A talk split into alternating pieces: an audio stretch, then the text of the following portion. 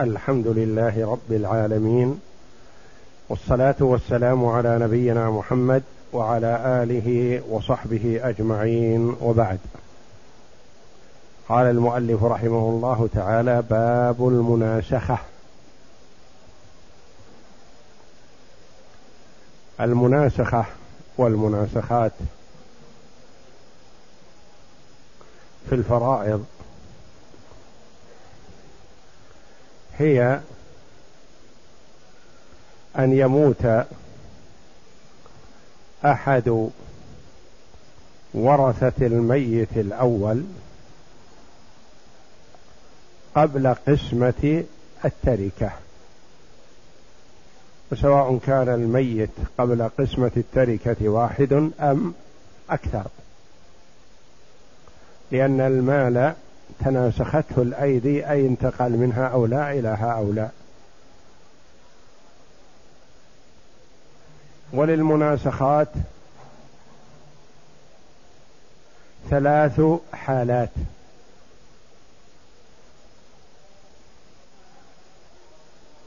الحالة الأولى أن يكون ورثة الميت الثاني هم بقية ورثة الميت الأول. ولا يختلف إرثهم.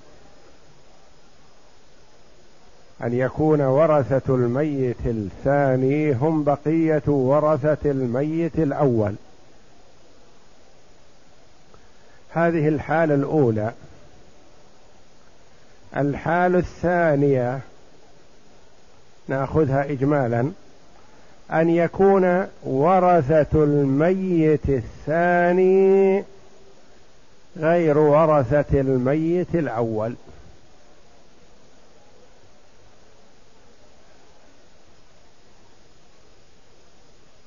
الحال الثالثة أن يكون ورثة الميت الأول الثاني هم بقية ورثة الميت الأول لكن اختلف إرثهم أو ورث معهم غيرهم. هذه ثلاث حالات.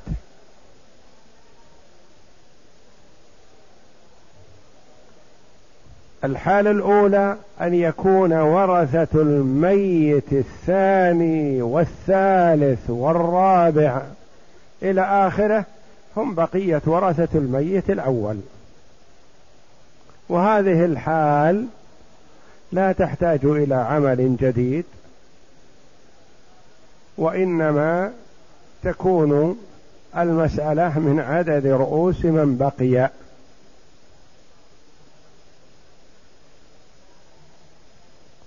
وهذه تسمى الاختصار قبل العمل.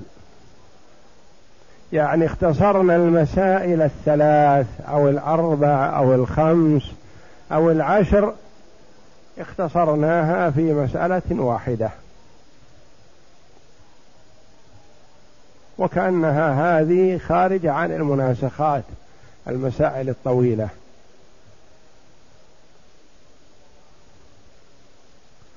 ومثالها هلك هالك عن عشرة بنين. ماتوا واحدا بعد الآخر قبل قسمة التركة الأب ولم يبق إلا اثنان. نقول المسألة من كم؟ من اثنين. لهذا واحد ولهذا واحد.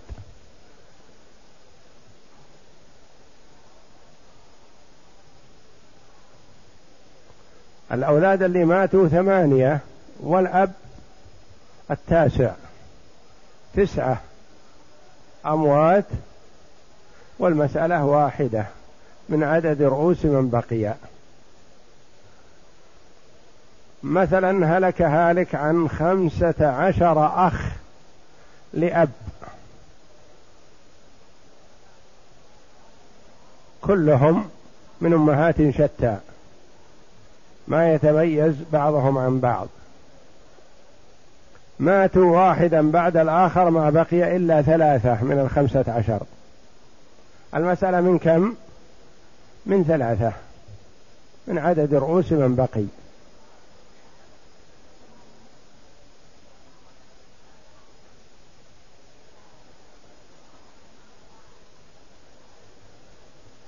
هلك هالك عن خمسة عشر عم.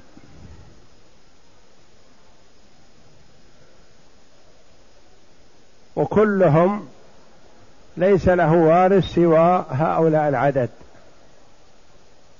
ماتوا واحدا بعد الآخر ما بقي إلا اثنان. المسألة من اثنين.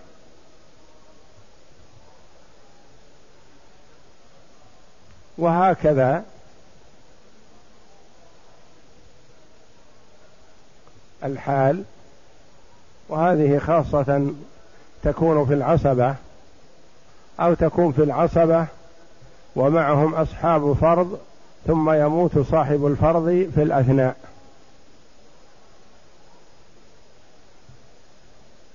كأن نقول مثلا هلك هالك عن زوجة وسبعة أبناء. والزوجة هذه هي أمهم. مات الابن الأول عن إخوته الستة وأمه. مات الابن الثاني عن إخوته الخمسة وأمه. مات الابن الثالث عن إخوته الأربعة وأمه. مات الابن الرابع عن إخوته الثلاثة وأمه. ثم ماتت الأم قبل قسمة التركة فنقول المسألة من ثلاثة من عدد رؤوس من بقي. هنا معهم صاحب فرض الذي هو الزوجة في الأولى والأم في الثانية والثالثة والرابعة والخامسة.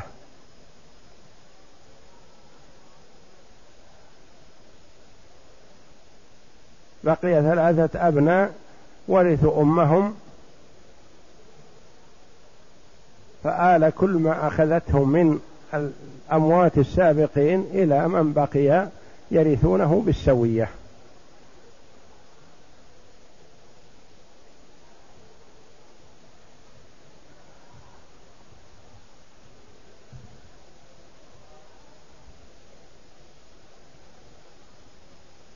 هذه الحال الأولى من حالات المناسخة. الحال الثانية ليست مثلها وإنما هي أسهل من الحال الثالثة. وذلك أن ورثة كل ميت لا يرثون غيره. وورثة الميت الثاني ومن بعده لا يرثون من الأول. الأولى اتحاد كامل. الثانية اختلاف كامل. كل ميت له ورثة مستقلون غير من شاركه في الميراث من الميت الأول. وهذه الحال طريقتها أنك تصحح حال تصحح مسألة الميت الأول. ثم تصحح مسائل الأموات بعده. واحد أو اثنان أو ثلاثة أو أربعة أو خمسة. مهما تعددت. فإذا صححت كل مسألة بعد الميت الأول فلك حينئذ نظران. مسألة الميت الأول دعها على حدة لا تنظر فيها الآن. انظر بين سهام الميت الثاني ومسألته وسهام الميت الثالث ومسألته. وسهام الميت الرابع ومسألته مهما تعددت. والنظر يكون بأحد أمور. إما أن تنقسم سهامه على مسألته بأن تكون بقدرها أو مضاعفها يشمل هذا حال المماثلة وحال المداخلة. بأن تكون مسألته مثلا من ثلاثة وسهامه ستة منقسمة عليها. مسألة من ثلاثة وسهامه من ثلاثة منقسم عليها. مسألته من ثلاثة وسهامه من تسعة وسهمه تسعة منقسم عليها وهكذا. سواء كانت مماثلة لها أو مضاعفها.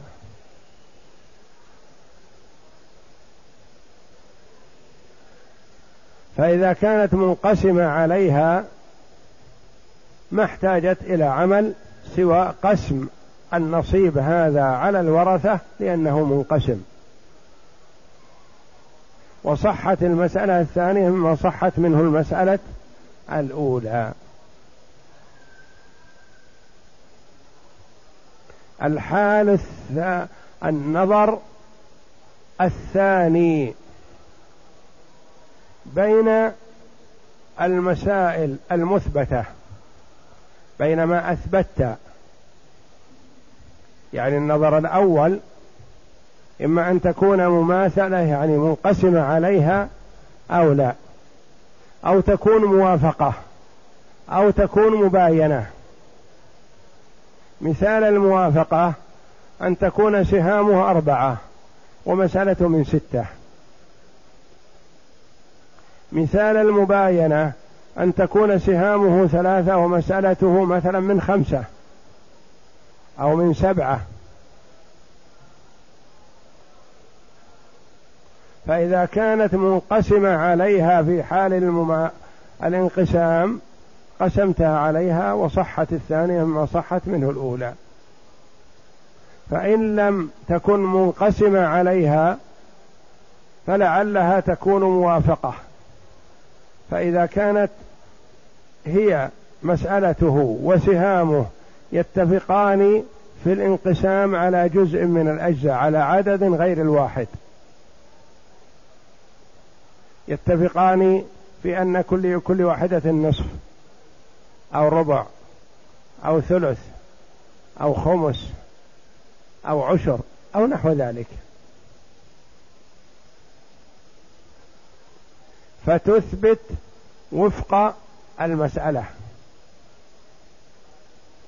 كأن تكون سهامه مثلا خمسة ومسألته من عشرة موافقة في الخمس.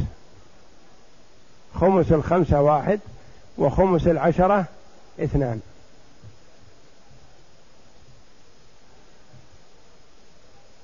موافقة في النصف ثلاثة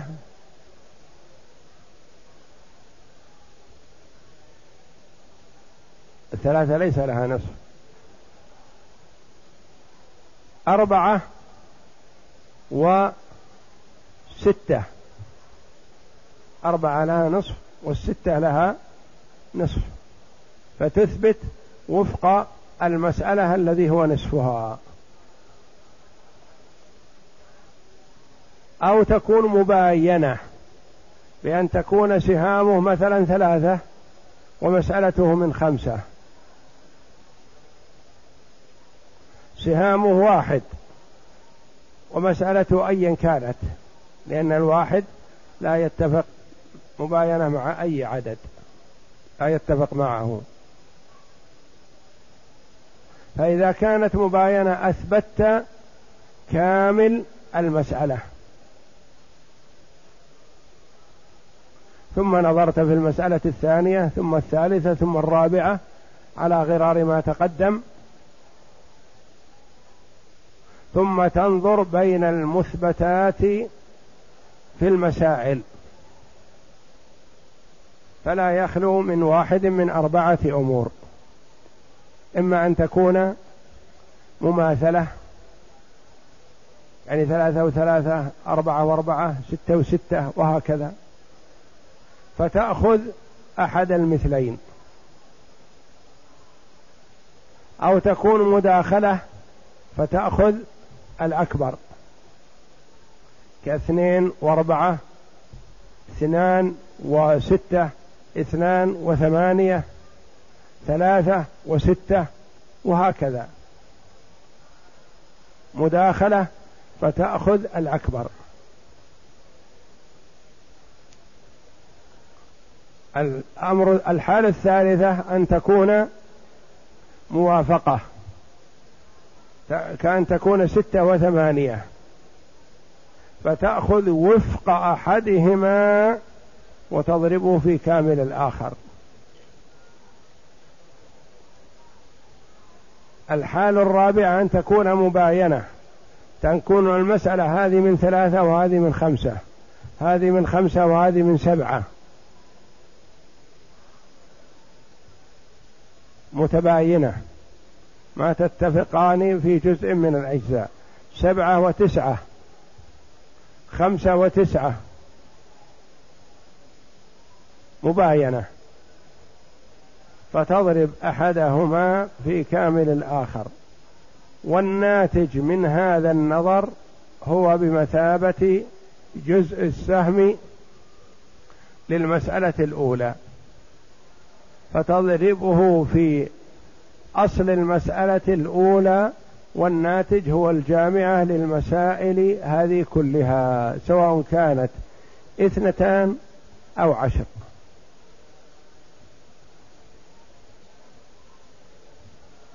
ثم تقول من له شيء من الأولى؟ أخذه مضروبا في جزء سهمها. فإن كان حيا فهو له. وإن كان ميتا قسم على ورثته قسم على مسألته.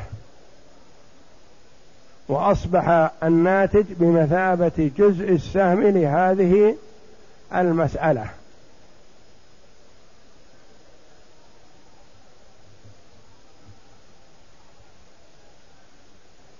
وهكذا كل مسألة هكذا. أول تصحيح كل مسألة ثم النظر بين السهام والمسائل ثم النظر بين المسائل بعضها مع بعض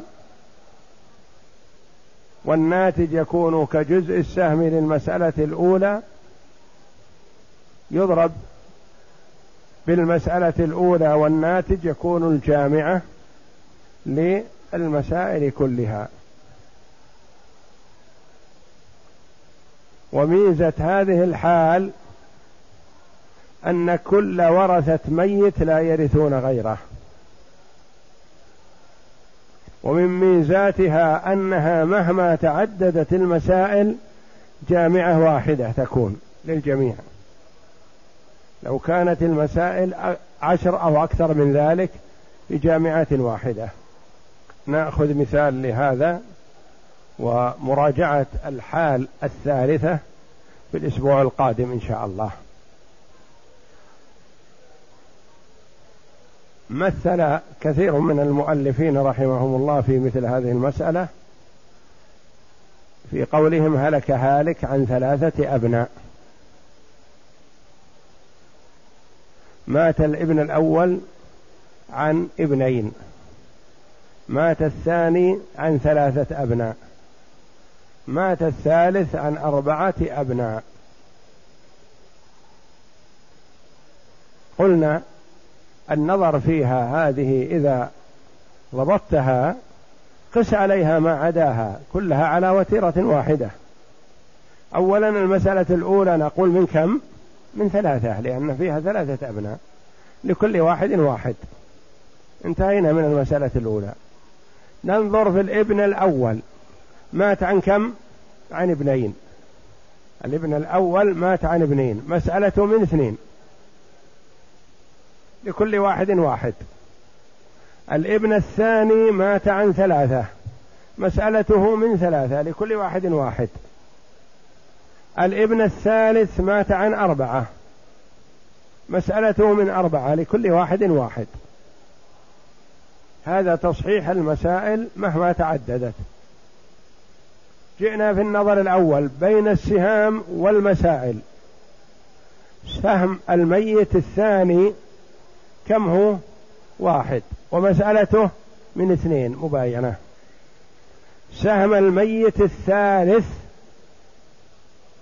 واحد. سهمه واحد. ومسألته من ثلاثة مباينة.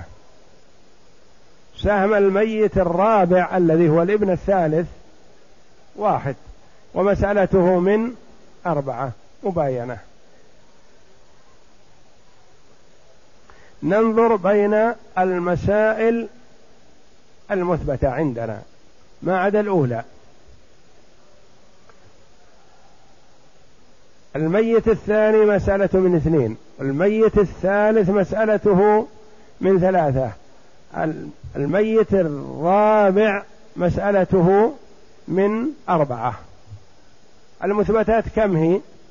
اثنان وثلاثة وأربعة. ننظر بينها. الاثنان والأربعة مداخلة. لأن الاثنين داخلة ضمن الأربعة. بقي معنا الثلاثة والأربعة.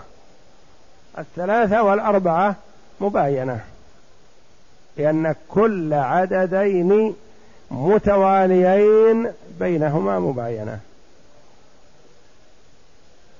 واحد واثنان مباينة اثنان وثلاثة مباينة ثلاثة وأربعة مباينة أربعة وخمسة مباينة بينهما. ما يقبل أحدهما القسم على الآخر. إذا عندنا ثلاثة وأربعة مباينة. نضرب أحدهما في كامل الآخر. ثلاثة في أربعة بكم؟ باثني عشر. الاثنى عشر هذه ننقلها للمسألة الأولى بمثابة جزء السهم. اثنى عشر في المسألة الأولى من ثلاثة كم؟ اثنى عشر في ثلاثة. صحت الجامعة من ست وثلاثين.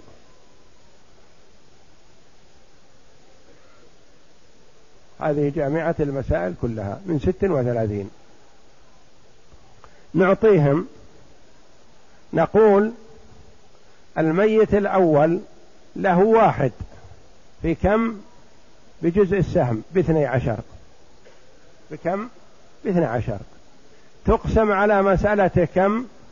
اثنان. صار جزء سهم هذه المسألة ستة. الميت الثالث سهمه واحد في اثني عشر باثني عشر. تقسم على مسألته من ثلاثة. اثنى عشر على ثلاثة فيها أربعة. جزء سهم هذه المسألة أربعة. الميت الرابع سهمه واحد مضروب في اثني عشر باثني عشر يقسم على مسألته من أربعة يكون فيها ثلاثة جزء سهمها ثلاثة. فالميت الأول بعد بعد الأول الأب المي... يعتبر الميت الثاني جزء سهم مسألته ستة والثاني أربعة والثالث ثلاثة ثم نعطيهم. فنقول أولاد الميت الأول بعد الأول الأول من الفروع له لكل واحد واحد مضروب في ستة بستة لأنه ما خلى في الاثنين الميت الثالث لكل واحد من ورثته واحد مضروب في أربعة بأربعة. الميت الرابع لكل واحد من ورثته واحد مضروب في ثلاثة بثلاثة. قد يقول قائل لما ذو الميت الأول أخذوا على ستة وذو الميت الثاني أخذوا على أربعة وذو الميت الثالث أخذوا على ثلاثة. نقول نعم لأن نصيب الميت الثاني من الأول له اثنى عشر وأولاده اثنان كل واحد يأخذ ستة. نصيب الميت الثالث اثنى عشر وأولاده ثلاثة كل واحد يأخذ أربعة. نصيب الميت الرابع من المسألة الأولى اثنى عشر ما اختلف. وأولاده أربعة لكل واحد ثلاثة. إذا الخطوات تصحيح مسألة الميت الأول ثم تصحيح مسائل الأموات الذين بعده ثم النظر بين سهام الميت الثاني ومسألته والميت الثالث ومسألته والميت الرابع ومسألته وهكذا. ثم النظر بين المسائل المثبتة. لا أصل المسألة وإنما المثبت إذا كان في موافقة أو مداخلة أو انقسام المثبتة. والناتج منها هو جزء السهم يضرب به المسألة الأولى والناتج في ضربه بالمسألة الأولى يعتبر الجامعة. فمن له شيء من الأولى أخذه مضروبا في جزء سهمها. فإن كان حيا أخذه وإن كان ميتا قسم على مسألته. والناتج من هذه القسمة يكون بمثابة جزء السهم لهذه المسألة ثم من له شيء منها أخذه مضروبا في جزء سهمها. وإذا أردت أن تزن عملك أهو صحيح أم خطأ؟ اجمع ما تحت الجامعة. فإن طابق الجامعة من حيث العدد فالعمل صحيح وإن خالف الجامعة فالعمل خطأ. والله أعلم وصلى الله وسلم وبارك على عبده ورسول نبينا محمد وعلى آله وصحبه أجمعين. يقول السائل رجل اعتمر في شوال يريد أن يتمتع إلى الحج فهل يجزئه أن يتصل إلى بلده ليهدو عنه علما بأنه خارج المملكة؟ وما عنده حق حق الأضحية. المتمتع لا يخلو إن كان من سكان مكة فليس عليه هدي. وإن كان من خارج مكة فعليه هدي. وهذا الهدي شاة تذبح في مكة. لا يجزئ أن يذبح هذا الهدي في بلاده بل يذبح في حدود الحرم. فلا يصح أن يذبح في عرفة لأن عرفة خارج الحرم. ولا يصح أن يذبح في الشرائع. القسم الذي خارج الحرم لأن الشرائع جزء منها داخل الحرم وجزء منها خارج الحرم. فلو ذبح الهدي في الشرائع الذي خارج الحرم ما أجزأ. لا بد أن يذبح في الحرم.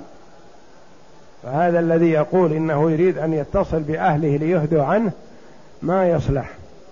لا بد أن يكون الهدي في مكة. ولا يكلف الله نفسا إلا وسعها. ما يستطيع الهدي جعل الله له المخرج وهو أن يصوم ثلاثة أيام في الحج وسبعة أيام إذا رجع إلى أهله. ثلاثة أيام في مكة. ويحسن أن تكون قبل الحج يعني اليوم السادس والسابع والثامن أو السابع والثامن والتاسع وهكذا. ولا يصوم يوم العيد فإن أخر الصيام رجاء أن يقدر على الهدي فلم يقدر عليه فيصوم الحادي عشر والثاني عشر والثالث عشر التي هي أيام التشريق. تقول عائشة رضي الله عنها وابن عمر رضي الله عنهما لا يحل أن يصوم أيام التشريق إلا من لم يجد الهدي فيصوم أيام أمرها فيه سعة ولله الحمد متى ما وصل إلى بلاده واستقر صام سبعة أيام حتى وإن كان قادر في بلاده. لا يلزمه أن يستدين ولا أن يستقرض وإنما إذا لم يجد قيمة الهدي صام ثلاثة أيام في الحج وسبعة أيام إذا رجع إلى أهله. يقول هل للحاج أن يصلي الوتر في مزدلفة في أيام الحج؟ المعروف أن النبي صلى الله عليه وسلم لم يدع صلاة الوتر في الحضر ولا في السفر. من مواظبته عليها صلى الله عليه وسلم كان إذا عجز أو كسل صلى قاعدا. وما كان يترك صلاة الوتر. لكن اختلف العلماء رحمهم الله هل صلى النبي صلى الله عليه وسلم صلاة الوتر في مزدلفة؟ قال بعضهم نأخذه من العموم أنه ما كان يدعها فنقول صلاها. وبعضهم قال ما ورد أنه صلاها في الأحاديث التي ساقت صفة حجه صلى الله عليه وسلم. نقلت أنه صلى المغرب ثم صلى العشاء ثم رقد عليه الصلاة والسلام. يقول من جاء من بلده بعمرة في رمضان ومكث في الحرم حتى جاء الحج. هل يكون عليه هدي الجواب لا ليس عليه هدي لأنه ما اعتمر في أشهر الحج وإنما عمرته في رمضان ورمضان ليس من أشهر الحج. ومن قرأ القرآن من المصحف بدون وضوء هل يأثم؟ محل خلاف بين العلماء رحمهم الله. بعض العلماء يقول لا يجوز أن يمس المصحف إلا طاهر. ومن قال بهذا القول قال يأثم. إذا قرأ بالمصحف وهو على غير وضوء فهو يأثم. آخرون قالوا لا يلزم الوضوء لقراءة القرآن من المصحف. فعلى هذا القول لا يأثم إذا قرأ. والأولى للإنسان أن يتوضأ عند قراءة القرآن من المصحف أو لا يمس المصحف وإنما يقلب صفحاته من وراء حائل أو بعود أو بسواك أو بنحو ذلك. يقول مات مات أبي وكان عليه ثلاثة أيام. لم يصلها لم يصلها. يقول كان أبي مريض في آخر حياته ثلاثة أيام أصيب بشلل فلم يصلي ثلاثة أيام. هل أصليها عنه؟ نقول الجواب لا. الصلاة لا يصلي أحد عن أحد. وما دام أنه أصيب بمرض ما قدر ما يدرك الصلاة فلا شيء عليه والحمد لله. لكن علينا أن نتنبه بأنه إذا كان المرء يدرك وعقله باق فيجب عليه أن يصلي على حسب حاله. ولا يجوز له أن يؤخر الصلاة. ما دام العقل باقي والفكر موجود والإدراك موجود فيصلي على حسب استطاعته. يجهل بعض الناس فإذا كان مريض في المستشفى أو أصيب بنجاسة ولا يستطيع غسلها أخر الصلاة ويقول إذا خرجت من المستشفى مثلا طهرت نفسي وثيابي وصليت الأيام التي تركتها. نقول لا يا أخي ما يجوز لك هذا. فالصلاة لا يجوز أن تؤخر عن وقتها ما دام العقل باق.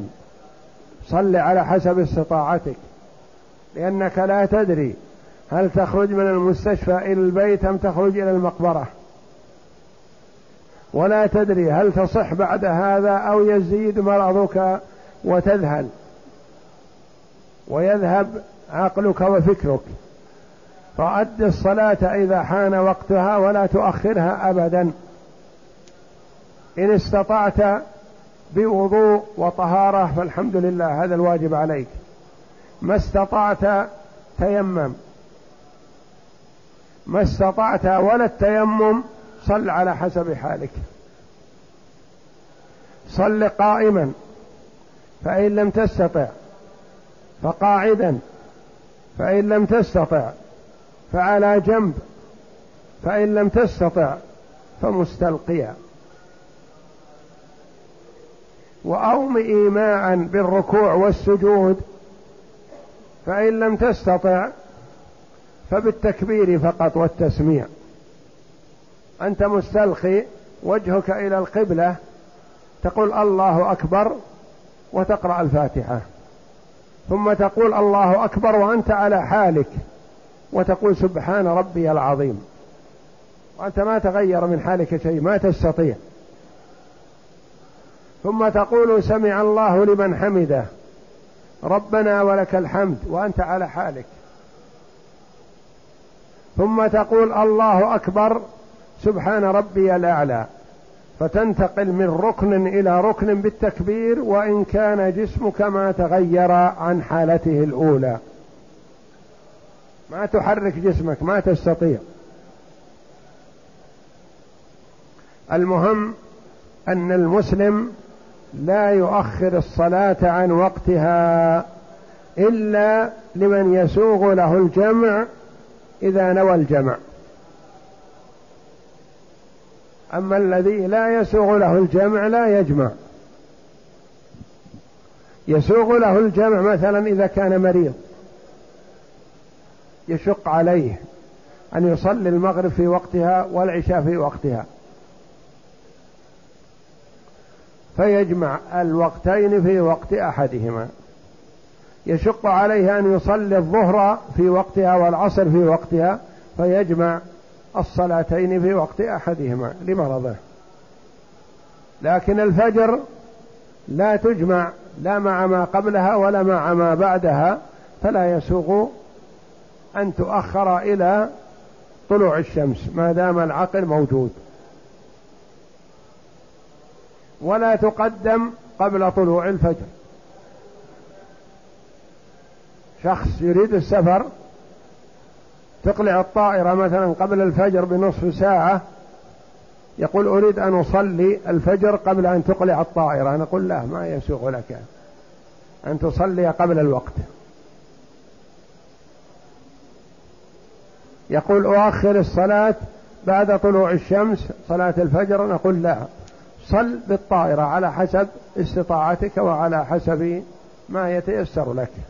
إن تيسر لك قائما فالحمد لله تركع وتسجد. ما تيسر لك إلا جالسا اجلس على الكرسي. وأوم بالركوع والسجود. واجعل السجود أخفض من الركوع. وهكذا يأتي المرء بما استطاع وما لم يستطعه فلا يكلف به لأن الله جل وعلا يقول فاتقوا الله ما استطعتم. ويقول جل وعلا لا يكلف الله نفسا إلا وسعها. الشيء الذي لا يستطيعه الإنسان لا حرج عليه فيه.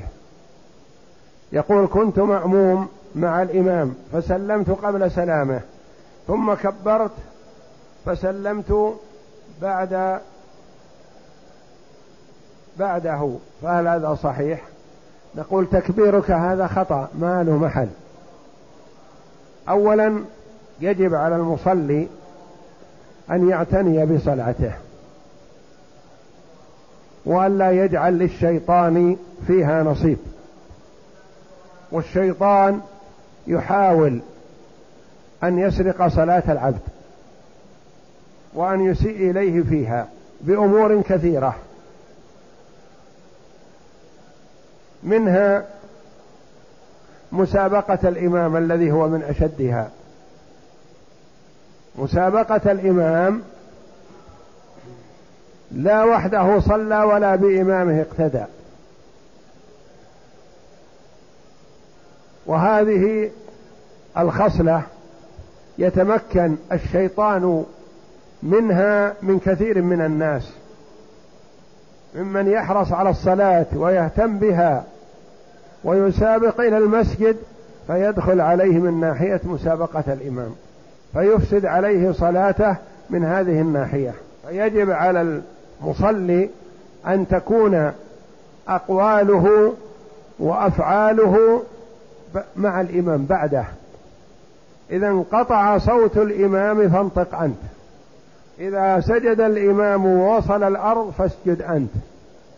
إذا قام الإمام واستوى قائما فقم أنت. وهكذا اتبعه.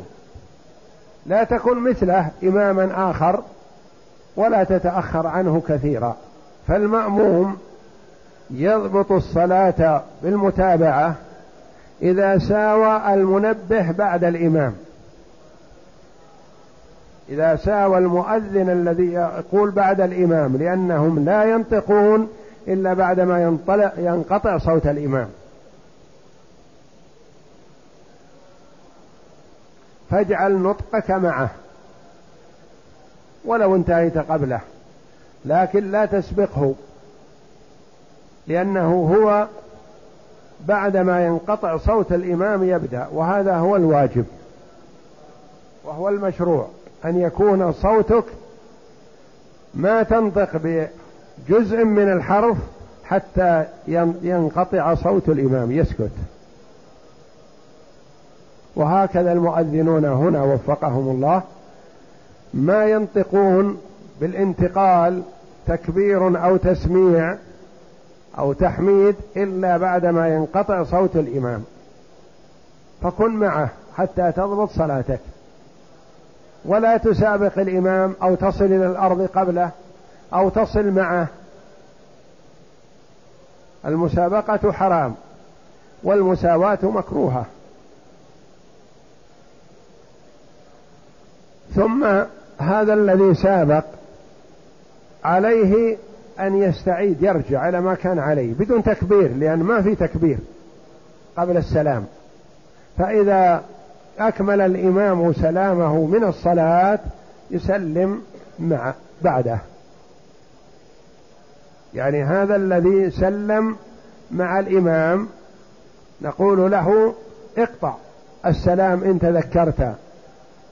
فإذا انقطع صوت الإمام فابدأ السلام من جديد. ولا يحتاج أن تكبر تكبير لأنك ما مجال تكبير دخول تكبيرة إحرام أو دخول في الصلاة. أنت في الصلاة وإنما أخرجك الشيطان ليفسد عليك صلاتك. وأنت ما خرجت حقيقة في الواقع فكأنك استمررت على حالتك في الصلاة فلما انتهى الإمام من السلام سلمت بعده. يقول هل يجب على المفرد بالحج الإحرام من من التنعيم؟ علما أنني في مكة. يقول هل يجب على المفرد بالحج الإحرام من التنعيم؟ علما بأنني مقيم في مكة. لا يا أخي ما يجب. ولا ينبغي له هذا. ما دام أنه بمكة فيحرم بالحج في اليوم الثامن من ذي الحجة أو اليوم التاسع من ذي الحجة ويأتي بالحج وقد تحلل وليس عليه هدي. ما هي المواضع التي يشرع للمصلي رفع اليدين فيها؟ يشرع رفع اليدين عند تكبيرة الإحرام فترفع اليدين حذو المنكبين. وعند التكبير للركوع وعند الرفع من الركوع وعند القيام من التشهد الأول إلى الركعة الثالثة. أربعة مواطن. اثنان لا يتكرران. واثنان يتكرران في كل الصلاة. ما يشرع عند تكبيرة الإحرام هذا لا يتكرر. ما يشرع عند القيام من الركعة من التشهد الأول إلى الركعة الثالثة هذا لا يتكرر.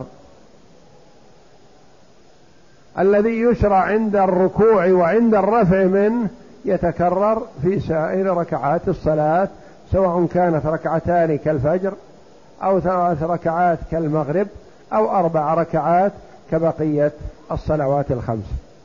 يقول أنا حججت قبل مدة وفي أول يوم يوم العيد رميت الجمرات الثلاث وكنت لا أعلم أنه في هذا اليوم لا ترمى إلا الجمرة الأولى جمرة العقبة.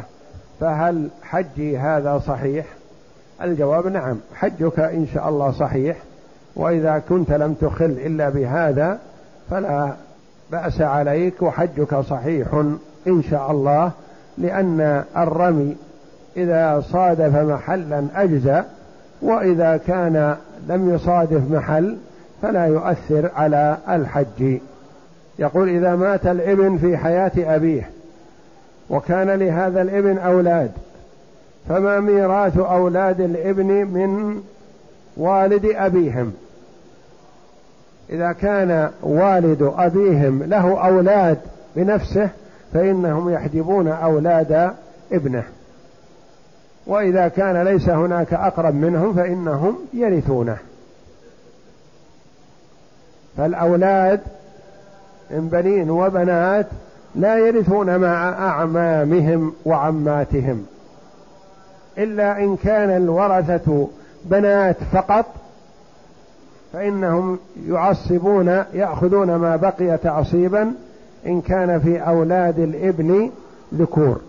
يقول أتيت في رمضان وسأبقى في مكة إن شاء الله إلى الحج فهل علي هدي وهل الحج صحيح حينئذ؟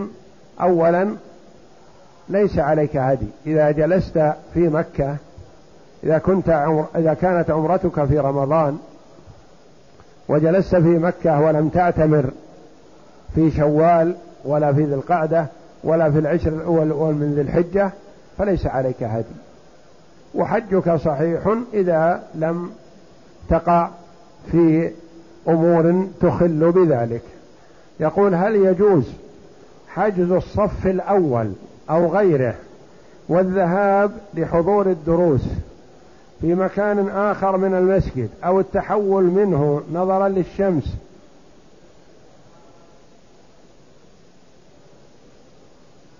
مع بقاء السجادة فيه. أولا إذا كان المرء احتجز مكانا فاضل في الصف الأول أو الذي يليه.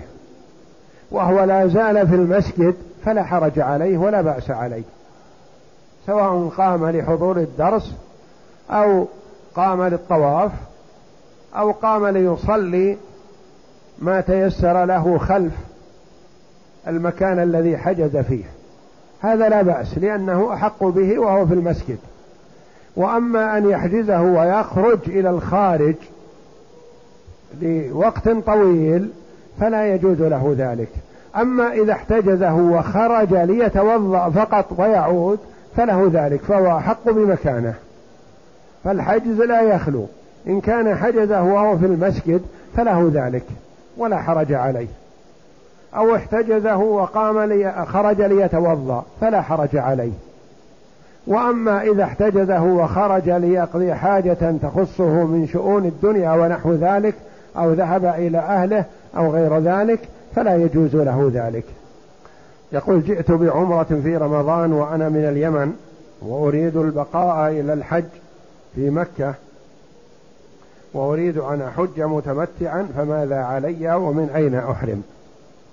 إذا أردت التمتع فتحرم بعمرة من أحد المواقيت في أشهر الحج شوال وذي القعدة. أو العشر الأول من ذي الحجة ثم تحج من نفس السنة فتكون متمتع. وإذا بقيت بمكة ولم تخرج من رمضان وأحرمت بالحج مفردا فحينئذ تكون مفردا بالحج وليس عليك هذه تمتع. يقول ما الفرق بين الركن والشرط في الأحكام؟ الركن يعبر عنه العلماء بأنه جزء الماهية والشرط غالبا يكون بعدها قبلها يكون قبل الفعل.